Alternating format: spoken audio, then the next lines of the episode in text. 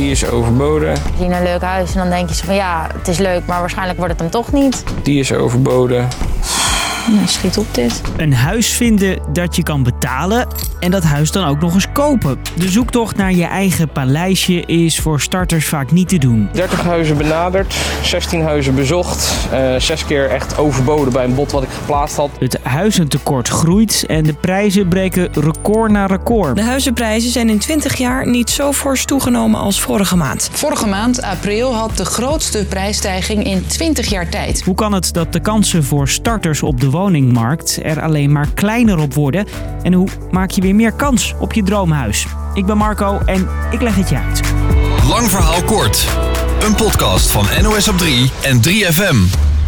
De prijzen van bestaande koopwoningen stijgen nog altijd sneller en sneller. Flink tegen elkaar opbieden en bezichtigingen met tientallen gegadigden. Op dit moment is er een huizentekort van meer dan 300.000 woningen. Van mensen die nu nog noodgedwongen met huisgenoten wonen of bij hun ouders, maar die eigenlijk een eigen stulpje willen. Zoals Jeffrey en Carmen. Ik woon zelf in Hoogezand bij mijn ouders. En uh, Jeffrey die woont hier. Maar we zijn eigenlijk altijd samen. Ze wonen allebei nog bij paps en mams. Omdat het zoeken naar een huis rond Groningen maar niet lukt. Tegenwoordig wordt eigenlijk standaard al overboden. En dat maakt het gewoon heel moeilijk. En zoals je hoort, Jeffrey en Carmen zoeken in het noorden van het land. De gekte op de woningmarkt is al een tijdje niet meer alleen een probleem in de Randstad. 40 jaar woningmarktonderzoek. Ik heb dat gewoon nog nooit meegemaakt. Dat zegt hoogleraar Peter Boelhouwer. Hij weet veel van de woningmarkt. Inmiddels wordt meer dan de helft van de huizen overboden, omdat het knokken is. En Peter heeft geen leuke boodschap. Die krapte blijft het komende decennium. En dit soort ontwikkelingen kun je niet zo markeren. Het tekort aan huizen is dus groot. Maar dat horen we al jaren en het blijft ook zo. Hoe kan dat toch? Vraag en aanbod, dat is het antwoord. En daarvoor moeten we even terug in de tijd, zegt Peter. Maar we hebben ook behoorlijk lang niks gedaan. Hè? Vanaf 2008 hebben we het laten gebeuren. 2008 dus, dat weet je misschien nog wel. De hele wereld dook in een diepe economische crisis. De kredietcrisis heeft nu ook de Nederlandse huizenmarkt bereikt. Makelaars spreken van een koperstaking. Het ging mis bij banken met de euro en dus ook op de huizenmarkt. Overal stortte de boel in. Bouwbedrijven bouwen bestaande klussen nog af, maar nieuwe opdrachten zijn er nauwelijks. Je ziet steeds meer borden uh, in de tuin staan van mensen die een woning uh, te koop hebben. Er wordt jarenlang minder gebouwd. Net voor de crisis kwamen er per jaar bijna 90.000 woningen bij. In het dal van de crisisjaren nog maar de helft daarvan. Het duurt jaren voor de boel weer opklimt. Maar het is nog steeds niet op het toppunt van 90.000 huizen. En dat komt ook hierdoor. Tot enkele maanden geleden was de stikstofproblematiek het gesprek van de dag. De stikstofcrisis. Nederland moet minder stikstof uitstoten. Maar met bouwen van huizen stoot je uit. Gaat niet tegelijk. Er worden daardoor minder bouwvergunningen aangevraagd voor nieuwbouw. En hebben we het nog niet eens over het tekort aan bouwvakkers, hoe moeilijk het is een plekje te vinden voor nieuwbouw in ons overvolle land en dat het heel traag gaat voor je kunt beginnen met bouwen. Minder aanbod dus. En tegenover aanbod staat natuurlijk die vraag. En die stijgt alleen maar. Want er komen steeds meer Nederlanders bij. Over tien jaar zijn er bijna een miljoen mensen meer dan nu. En we wonen ook nog eens vaker alleen in een huis.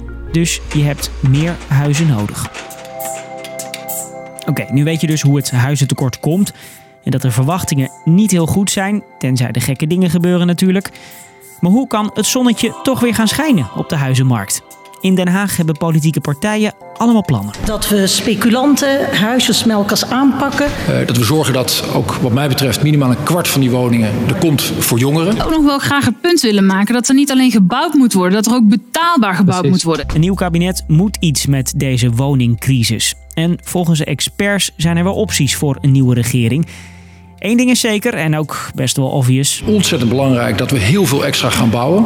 Meer bouwen dus. En daarvoor moet vooral de plannenmakerij sneller gaan. Tussen de eerste schetsen en de sleuteloverhandiging zit nu vaak 10 jaar. En dat is te lang, zeggen experts. En er zijn nog vele andere opties. Durf ook rigoureus zijn. Misschien moet je hele hoogovens opdoeken. En uh, scheelt meteen, geloof 7% uh, van de stikstofuitstoot. Ja. Nou, dan kunnen we wel een paar, ja. duizend woningen kwijt. Maar geduld, dat zullen starters nog jaren nodig hebben. voor het woningtekort echt flink opgelost is. Zegt hoogleraar woningmarkt Peter Boelhouwer. 10, 15 jaar moet dat wel kunnen, ja. En dan moeten we niet alleen in de stad gaan bouwen. maar dan moeten we ook wat aan, aan de randen en in, het, in, het, in de provincie gaan bouwen. Want daar is nog wel wat ruimte. Dus, lang verhaal kort. Door de kredietcrisis en de stikstofcrisis worden er al jaren minder woningen gebouwd dan voor 2008. En tegelijkertijd groeit het aantal mensen dat een huis zoekt en wonen we ook vaker solo in een woning. Daardoor loopt het woningtekort en de prijs ook de komende jaren nog op. Tot zover deze lang verhaal kort. Ik hoop dat je hem leuk opgebouwd vond. Voor een nieuwe aflevering hoef je gelukkig niet lang te zoeken. Die is de maandag weer. Zalig Pinksteren en een fijn weekend. Vond je deze podcast interessant? In de 3FM-app vind je er nog veel meer. Zoals deze. Drie mannen met zwarte pak legden hem op de grond neer. En ik hoorde, hij is het niet, hij is het niet. Ik wist gelijk, jij bent een shark. Sorry voor mijn broertje.